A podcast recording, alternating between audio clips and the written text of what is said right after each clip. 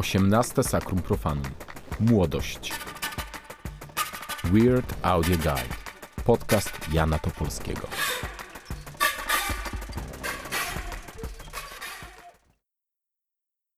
Witam serdecznie w siódmym już odcinku podcastu Weird Audio Guide.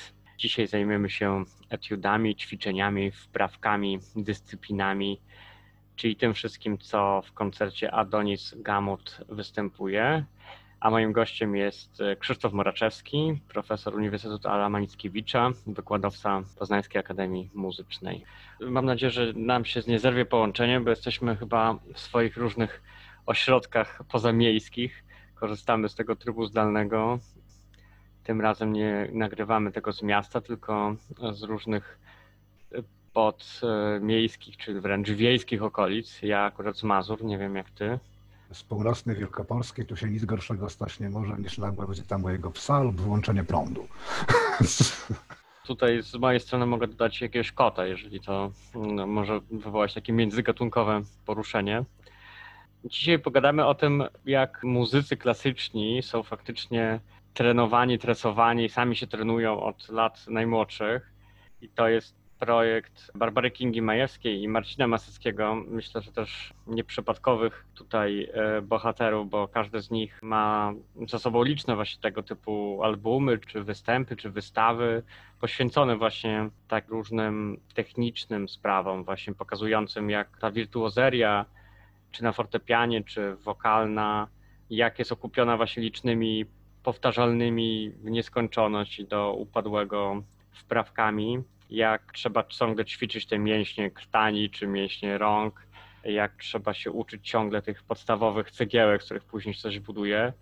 I myślę, że te wiele rzeczy, które właśnie robiła i Majewska, i Masecki, to świetnie pokazują. No, chociażby przypomnijmy, że jest ten znakomity album Oscar Latim, gdzie Masecki tak dekonstruuje te SFCC per cembalo, pokazując wszystkie te palcówki, wszystkie te absurdalne pasaże Majewska z kolei nagrała też e, mały solfeż e, i przewodnik po piewności, po różnych technikach wokalnych, też pokazując, e, jak to wszystko jest konwencjonalne, jak wymaga właśnie takiego bardzo abstrakcyjnego podejścia do materiału, takiego, gdzie on jest rozbity na jakieś takie najmniejsze fragmenty.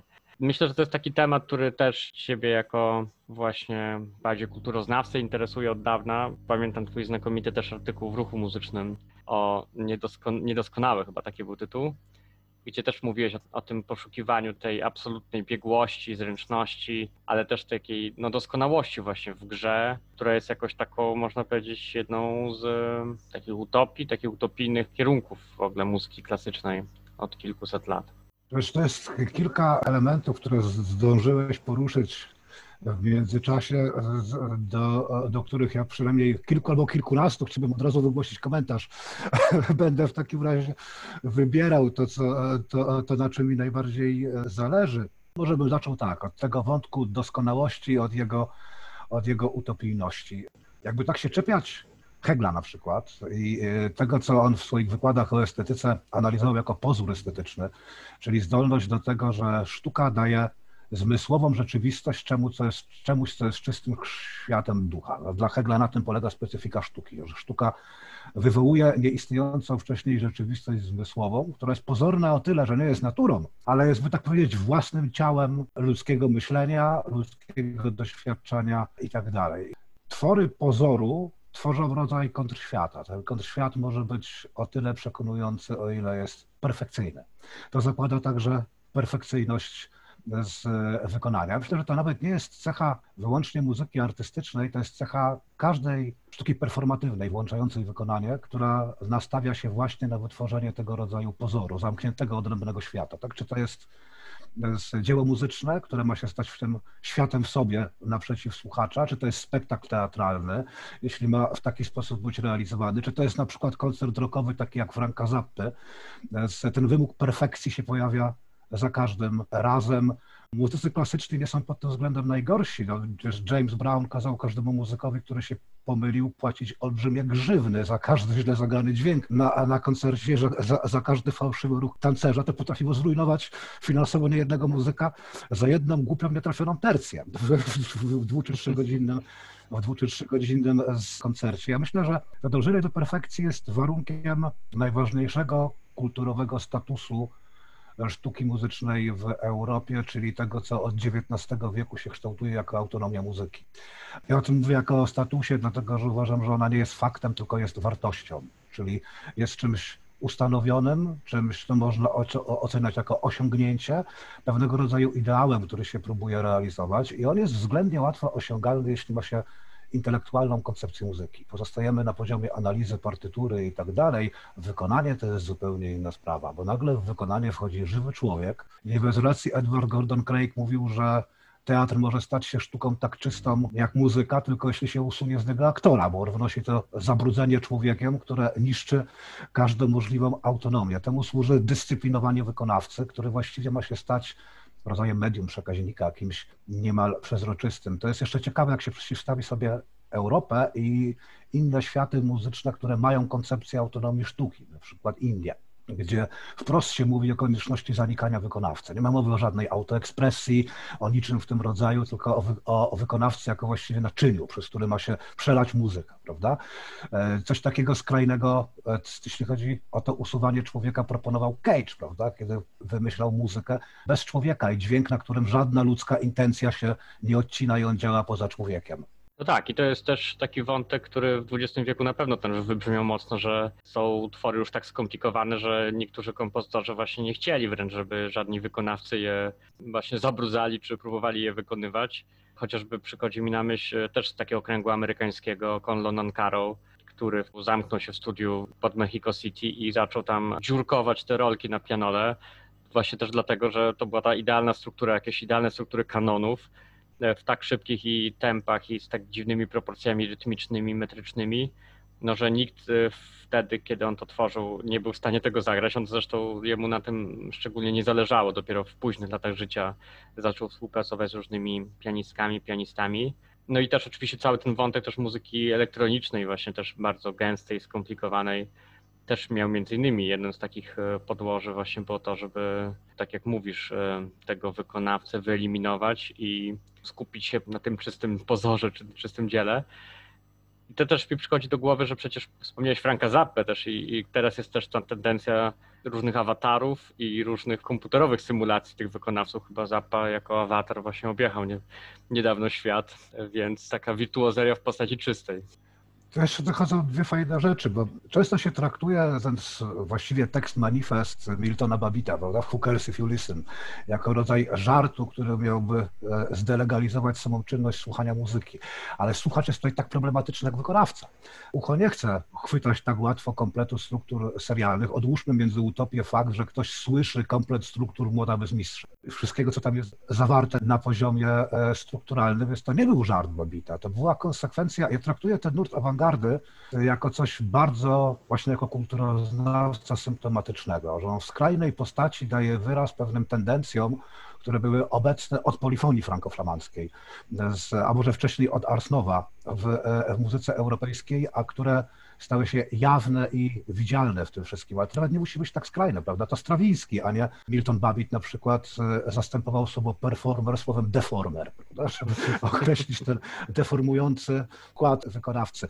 Ale tu jest jeszcze coś innego i dlatego bym wrócił do tych wątków, które poruszyłeś na samym początku, że z jednej strony ten trening wykonawcy przypomina nam o o tym, czemu ma służyć, czyli tej idealnej autonomii muzyki. Z drugiej strony pokazuje problematyczność tej autonomii muzyki, ponieważ jest treningiem ciała.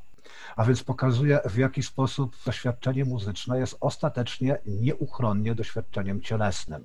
To jest coś, co właściwie można by potraktować jako swoistą kontrkulturę całej muzyki europejskiej tak, jak sobie ją wyobraziła XIX-wieczna muzykologia, bo niekoniecznie wcześniej. Owszem, te wątki można ciągnąć od Pitagorejczyków, prawda, intelektualizacji muzyki, kiedy ona staje się przez średniowiecze, mamy, e, e, przypisuje się Guidonowi Zarezzo, prawda, to sławne powiedzenie o cantores et musicores, między którymi jest magna distancja, tak, i ten musicores, który jest filozofem oczywiście i w życiu się nie splamił żadną praktyką, jest dostojny i tak dalej, a cantores, który karmi się brudnym śpiewem i tak dalej, jest, jak mówi po, po, podobno Guidon, quasi indifinitur bestia, tak jakby się nie różnił od zwierzęcia, ponieważ wchodzi w ten cielesny wymiar, e, cielesny wymiar muzyki. Jest więc tutaj coś jeszcze, co jest szersze niż tylko muzyczne. Jest taki wymiar kiełznania cielesności, który w ogóle w jakiś sposób w niektórych nurtach definiuje cywilizację europejską w ogóle, która ma problem z ciałem przynajmniej od późnego antyku i e, nie bardzo sobie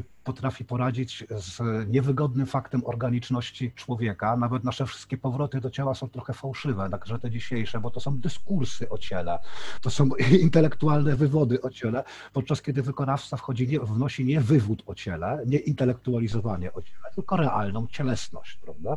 I ten trening jest zarazem kształtowaniem tej cielesności, jak i zarazem jej kiełznaniem, e, podporządkowywaniem pewnemu żywiołowi myślowemu, duchowemu, jakkolwiek się, e, jakkolwiek się to nie nazwie. Ten problem występ, nie, nie występuje tylko tam, gdzie nie masz dualizmu ducha i ciała gdzie e, masz tego rodzaju konstrukcje kulturowe, gdzie te sfery są traktowane jako jednolite i wtedy tego rodzaju problemu nie ma, więc tu się splata kilka czynników, które pokazują, jak, jak muzyka jest zarazem głęboko społeczna i kulturowa, ponieważ artykułuje na własnym terenie coś takiego jak problem cielesności w ogóle, a zarazem jak posiada zdolność przekraczania tego, bo na bazie tego statusu kulturowego buduje własną autonomię. Dlatego właśnie mówię o autonomii jako o osiągniętym statusie, a nie czymś oczywistym, co by stanowiło jakiś fakt otaczający muzykę.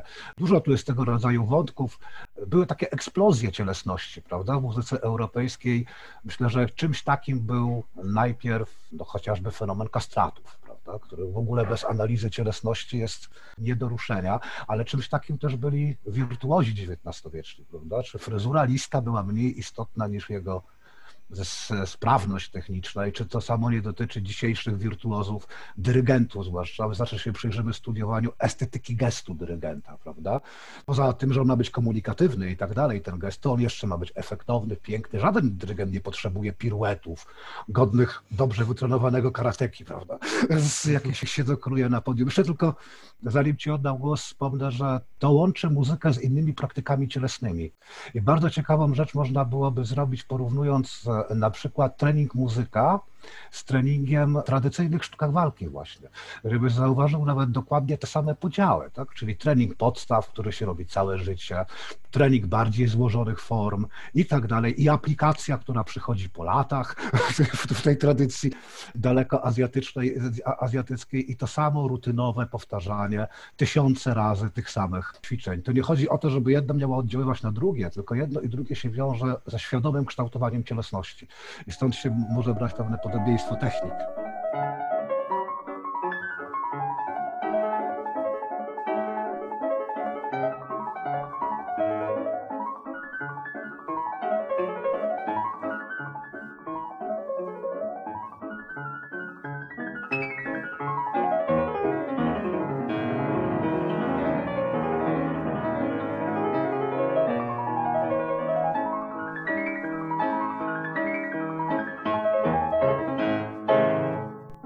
Tak, no to jest wątek, który zresztą na festiwalu Sacrum Profanum wybrzmiał już nawet na tym koncercie Muzyka i Sport, y, czyli kiedy zespół Kwartludium mierzył się właśnie z utworami Karola Nepelskiego i Dominika Strycharskiego, obu praktykujących różne sporty. Y, pierwszy jeśli chodzi o pływanie, drugi jeśli chodzi o boxing, kickboxing. Oni obaj właśnie też e, ten temat przeprowadzili muzycznie, pokazując tutaj też tę analogię tego treningu, te, tych repetycji, czy, czy jakichś wszystkich cyklów takich od, oddechowych, czy cyklów zmęczeniowych, ale też oczywiście cały ten wątek, no tak jak mówisz, nie, tych zdobywania tych, tych cegiełek, żeby z nich coś zbudować. Więc o tym już rozmawialiśmy nawet z Krzysztofem Stefańskim też w podcaście i, hmm. i ten program mm, myślę, że mam nadzieję też będzie się rozwijał dalej. Będziemy znajdowali kolejne analogie tutaj między tymi dziedzinami. Myślę sobie też o tym dualizmie, o którym mówisz, tego ciała i umysłu. Czy było też tak kiedyś, że jednak w Europie, w jakichś antycznych tradycjach to było bardziej jednorodne? No, przychodzi mi na myśl właśnie ten, to greckie takie zrównanie sportu i muzyki, czyli obok filozofii właśnie były uważane za takie bardzo wyróżnione działalności człowieka i teraz paradoksalnie gdzieś, jeżeli chcemy takim przecież popularną, jedną z praktyk właśnie cielesnych, które nam przywracają tą integrację, no to są jakieś praktyki sprowadzane z innych kultur antycznych albo z pozaeuropejskich, nie wiem, oczywiście yoga jest jedną z takich przecież e, praktyk, które gdzieś próbują nam tę jedność przywrócić. No ale myślę też o tym programie, który przygotowała Majewska i Masecki. To jest taki program oparty właśnie na tych, tak jak mówisz, XIX-wiecznych głównie ćwiczeniach, XX-wiecznych, kiedy ta wirtuozeria się rozwijała, ale też się jakoś tak osadzała, no tak się już systematyzowała, instytucjonalizowała, że tu były coraz bardziej wymyślne te sposoby tych ćwiczeń i kolejne powstawały podręczniki, kolejne zbiory etiud.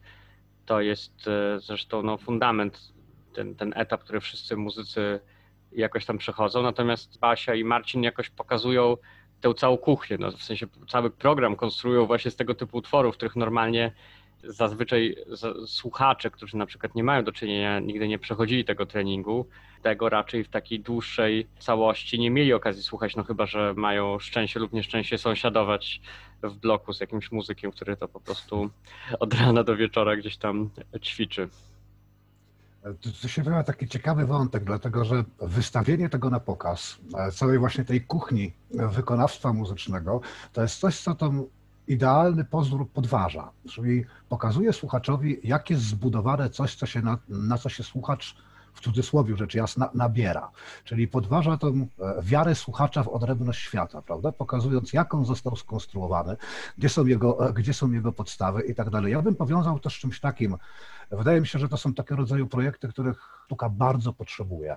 A, a bardzo potrzebuje dlatego, że w międzyczasie ta doskonałość wykonania stała się cechą zawłaszczoną całkowicie przez ten przemysł e, symboliczny, dla którego perfekcja wykonania jest znakiem produktu produktu bez wad fabrycznych, produktu doskonałego, który należy sprzedawać i oczywiście przemysł nie dzieli się tym, jak jest to zbudowane.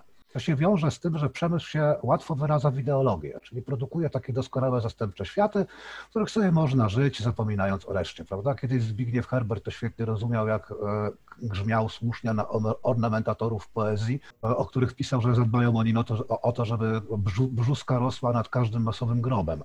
Te e, doskonałe produkty przemysłu przemysłu odgrywają podobną rolę, tworząc tego rodzaju zastępcze, doskonałe światy.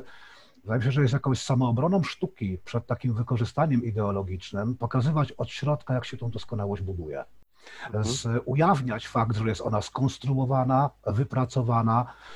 Z, w tym sensie to, to jest bardzo mądry sposób rozprawiania się z zagrożeniem przejęcia sztuki, czy też zawłaszczenia sztuki przez tego rodzaju przemysł, bo nie odrzuca się tego idealnego E, te, te, tego dawnego ideału, ale problematyzuje się go.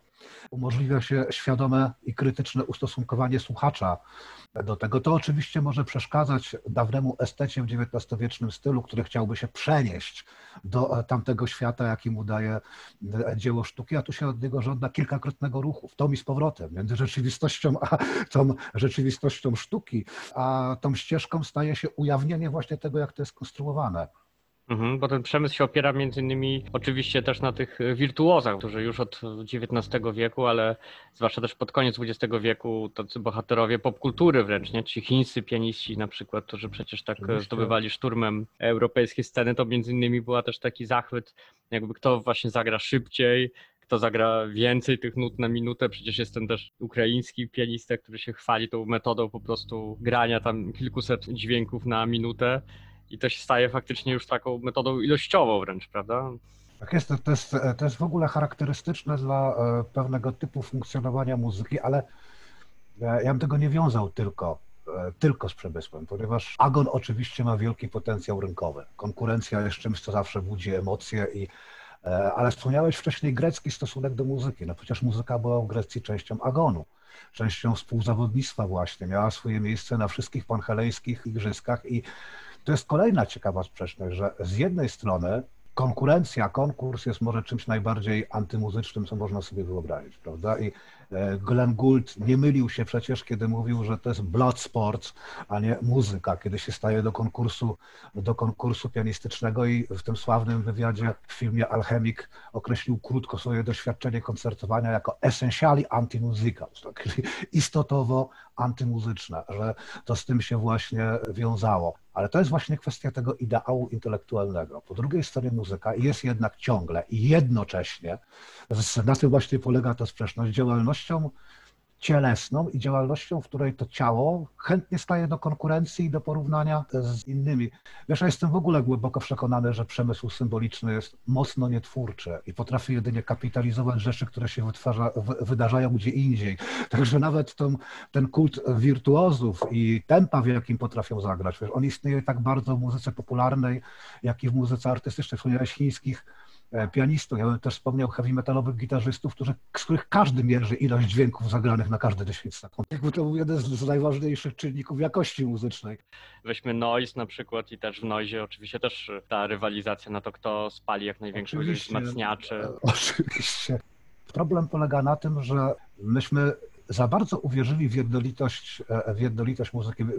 Jak wiesz, Egebrecht swego czasu żądał, żeby nadać słowu muzyka liczbę mnogą i zacząć mówić o muzykach, a nie o muzyce. Mi się wydaje, że paradoks polega na tym, że trzeba naraz utrzymać liczbę mnogą i liczbę pojedynczą, czyli pokazać, jak te muzyki składają się na muzykę, ponieważ jak sobie użyjemy tylko liczby mnogiej, to nam zniknie to, że kiedy wykonujemy buleza, to w tle też nam się ujawnią wszystkie paradoksy cielesności muzyki, a i żadne cielesne wykonanie muzyki nie obywa się bez tego komponentu intelektualnego. To jest kwestia gry między sposobami rozumienia muzyki. Po prostu muzyka się nigdy nie wpisywała w taki ideał zamkniętego i uporządkowanego świata. Należy do świata jako procesu, często jako konfliktu, z, e, sprzeczności, w czym jest tylko no, życie. Muzyce w żaden sposób nie zagraża, wprost przeciwnie. Tutaj wykonawcy też tego i autorzy tego, tego projektu też powstałego współpracy z wytwórnią Beut Records pokazują właśnie te, te gry tych żywiołów.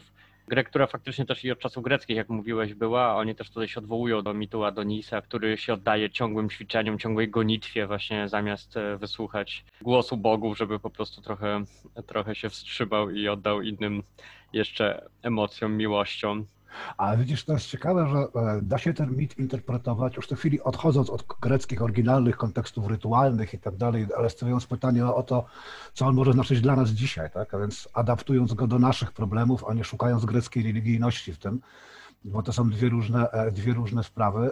Chyba nie ma nic bardziej ludzkiego niż e, miłość. I to odrzucenie miłości przez Adonisa ujawnia też jeszcze jeden bardzo ciekawy paradoks, że w tym treningu cielesności zawsze istnieje e, zagrożenie przekształceniem w jakiś byt quasi już tylko ludzki, prawda? Byt, e, byt który jest tak sfunkcjonalizowany, tak podporządkowany jednemu wyznacznikowi, że traci rodzaj zdolności do pełnej egzystencji. Myślę, wydaje, że nawet patrząc po swoich znajomych, my wszyscy znamy takich muzyków, w którym całość ludzkiej egzystencji stała się obca w wyniku tego rodzaju poświęcenia. To jest oczywiście pewnego rodzaju cena, jaką się płaci. Pytanie, kiedy tą cenę się powinno płacić. Zaraz przychodzą mi do głowy wspomnienia Henryka Czyża, prawda, który mówił o tym, że muzyce należy poświęcić wszystko, jak się jest Brahmsem albo Beethovenem, ale jak się wie, że się nie jest, to jaki status ma tego rodzaju, tego rodzaju, e, tego rodzaju poświęcenie. Oczywiście trzeba wiedzieć, czy się jest. Każdemu startującemu muzykowi towarzyszy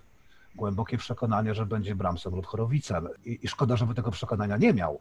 No i to całe systemy edukacji też oparte właśnie nie, na takim modelu. No to też to, to się wielokrotnie mówiło o tym i mówi ciągle, że na przykład polski system edukacji muzycznej też jest oparty na takim silnym podkreślaniu tego, że każdy powinien dążyć do bycia solistą czy wirtuozem, że za mało się wobec, nie wiem, systemu niemieckiego czy jakichś innych modeli edukacji poświęca na grę zespołową, czy grę amatorską, czy taką grę, która jest po prostu dla własnej przyjemności, a nie służy tylko właśnie do ciągłej tej rywalizacji ciągłej no, podnoszeniu tego tempa i tej technicznej doskonałości, w której można się e, zatracić.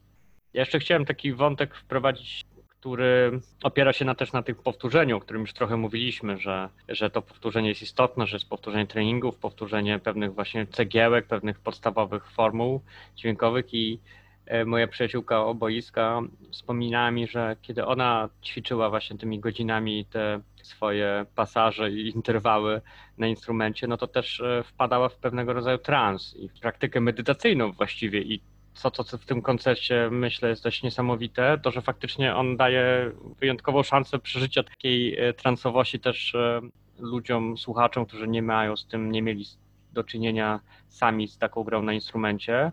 No i w tym e, jest coś niesamowitego, że to jest takie, okazuje się, że te etiudy wszystkie typu właśnie najbardziej znany Karla Czernego, ale też tych polskich pianistów Brzewieckiego, Ekiera, tu mamy też traktaty Crivellego czy Benellego o śpiewie, że one mają taki potencjał faktycznie minimalizmu, repetytywizmu, który wprowadza nas w trans i to jest e, naprawdę niesamowite, że coś, co wydaje się być oparte na czymś bardzo fizycznym, cielesnym, pozwala nam to przeżyć właśnie też takie duchowe tutaj przejście i to jest myślę też podobne do jakiegoś wysiłku fizycznego i do, do tego, co mówiliśmy trochę o sporcie i o tym, jak się uprawia długo, trwale jakiś sport, jakiś wysiłek.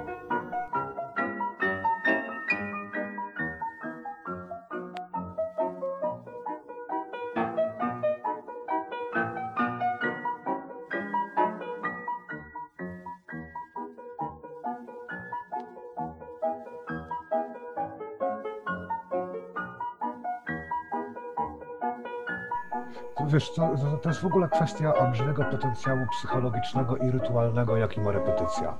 Właściwie w każdym rytuale repetycja jest podstawą e, konstrukcji. Czy to jest wyizolowany rytuał, czy to jest cykl roku, roku liturgicznego i tak dalej, to jest zawsze określony form, o, o, określona forma powtarzalności. To jest też bardzo szczególny sposób traktowania ciała. Wydaje mi się, że te współczesne, no nie współczesne, bo one się zaczęły w XIX wieku, wycieczki Europy na Daleki Wschód wiążą się między innymi z przechowaniem tam czegoś, co kultura antyczna w Europie posiadała, czyli z wizji cielesności jako podstawy doświadczenia duchowego, kiedy to właśnie powtarzanie, którego dokonuje ciało, staje się na swój sposób medium tego doświadczenia. To świetnie widać w muzyce, na przykład hindustańskiej, prawda, że to, co wiązane jest z objawieniem piękna Brahmana, piękna absolutu, to jest coś, co się ujawnia po godzinach koncertu. Prawda? Tego się nie da zrobić, tego się nie da zrobić w 4 czy 5 minut. Ta raga musi się rozwinąć, ona musi posiadać odpowiednią artykulację, tutaj musi działać czas, działać powtórzenie i tym podobne rzeczy. I rzeczywiście to, o czym mówisz, czyli podobieństwo tego doświadczenia do doświadczenia fizycznego, jaki wiążemy z ruchem fizycznym, jest czymś, co naprawdę wymaga, e, wymaga uwagi. Jest takie japońskie powiedzenie kenzen ichi, mówi, czyli pięść i zen to jedno. Ono dotyczy właśnie powtórzeń, kiedy stan medytacyjny nie jest osiągany przez decyzję, ja będę medytował, tylko kiedy się tą samą formę ruchową powtarza w ciągu tego samego dnia 194 raz, a ona trwa około 80 sekund, to ciało i umysł znajdują się nagle w zupełnie innym stanie. Wydaje mi się, że to, o czym mówisz, jako o tym potencjale medytacyjnym czy duchowym repetycji w muzyce, to na dwa sposoby. I repetycji w muzyce, którą słyszymy, jak u minimalistów, i repetycji, której dokonujemy, prawda, ćwicząc e, i tak dalej. To jest jedno zjawisko, ona posiada jakby jeden mechanizm. Ty się oddajesz jakimś praktykom teraz powtarzania w czasach, e, w czasach pandemicznych? Oddaję się, e, oddaję się z konieczności, bo coś tu muszę robić poza pisaniem, nie?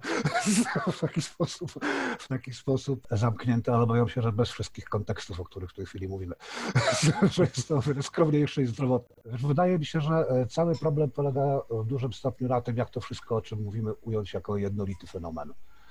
Tak, no właśnie być może, nie, być może nie się dzielić, nie da go ująć. Jak teraz to robimy, ale da się doświadczyć, prawda? To jest coś, co się dzieje właściwie w każdym muzycznym wykonaniu.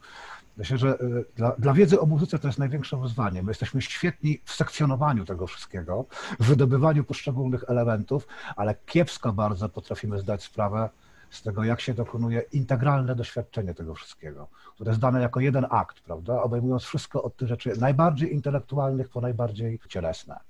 Tak, no i tutaj myślę, że, że kolejny właśnie wspólny projekt Barbary Kingi Majewskiej, Marcina Maseckiego po też ich interesującej reinterpretacji kolęd e, Taratille di Al-Milad, gdzie pokazali właśnie kolendy śpiewane w językach aramejskim, między innymi arabskim, pokazując też ich taki pierwotny sens, no że to jest e, coś, co oni wielokrotnie już robili wchodząc gdzieś głębiej poza utwory Schuberta, tak jak Barbara Majewska w Winterreise, czy właśnie Beethovena, jak Masecki w ostatnich sonatach, pokazują nam e, pewne nieprzeczuwane wcześniej aspekty, jak można na nowo rozumieć e, te w sumie wydawałoby się, prawda, jakieś zupełnie znane utwory. I to, co mówiliśmy też o doskonałości, czy o tym, o, te, o tej ćwiczeniu w doskonałości, no to tutaj myślę, że bardzo dużo jest takich właśnie praktyk i projektów e, Marcina Maseckiego, gdzie on pokazywał też bardzo jasno, jak e, nieistotne to jest też, e, jak jest napięcie między tym, że wydaje się, że prawda, te utwory Beethovena, Chopina, Scarlattiego trzeba zagrać perfekcyjnie, a co się stanie, jeśli tego się nie zrobi, albo będzie się właśnie pokazywało te wszystkie zgrzyty nagrać na jakimś dyktafonie tego Beethovena, tak żeby pokazać, jak mógł wyglądać jego słuch e, w tym okresie, kiedy miał z nim problemy, albo co się stanie, jeżeli zagrać tak Scarlattiego, że nie będzie tej płynności, tej szybkości, o której też e, w swoich tytułach tych etiud mówią, tak, Karl Czerny, École de Velocité, czy Szkoła Prędkości. No ale co się stanie, jak tą prędkość właśnie rozbierzemy? To są wszystkie też interesujące pytania o tej niedoskonałości w muzyce właśnie. A propos niedoskonałości, e, niedoskonałość ma dwa e, potencjały, ale pod warunkiem, że, e, że jest niedoskonałością, by tak powiedzieć, dysponowaną, czyli nie jest czymś, co się przypadkowo wydarza, tylko czymś, czym się ktoś umie posługiwać. Tak jak moim zdaniem perfekcyjnie umieją się tą niedoskonałością posługiwać jazzmeni. Jak mało kto.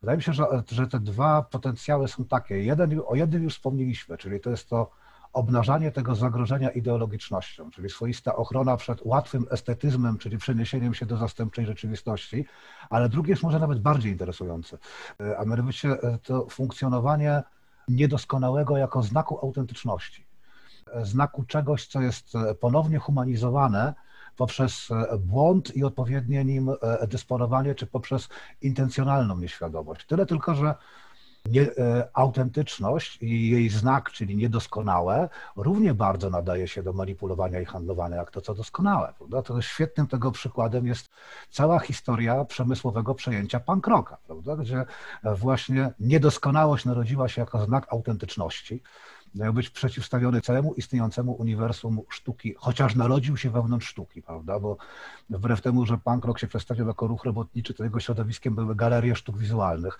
i to stamtąd się wzięły, stamtąd się wzięły te, e, e, te idee, ale momentalnie okazało się, że niedoskonałość też da się doskonale sfingować, zrobić z, niej, zrobić z niej znakomity produkt i tak samo skapitalizować jak doskonałość. No tak, i teraz e, mamy też szereg właśnie tego typu praktyk, no właśnie pod kątem mm, też mediów cyfrowych, które na różne sposoby naśladują media analogowe, są różne filtry, które pokazują, prawda, zdjęcie ala z polaroidu, ala czarno-białe, ala z jakąś ziarnistą kliszą i tak dalej.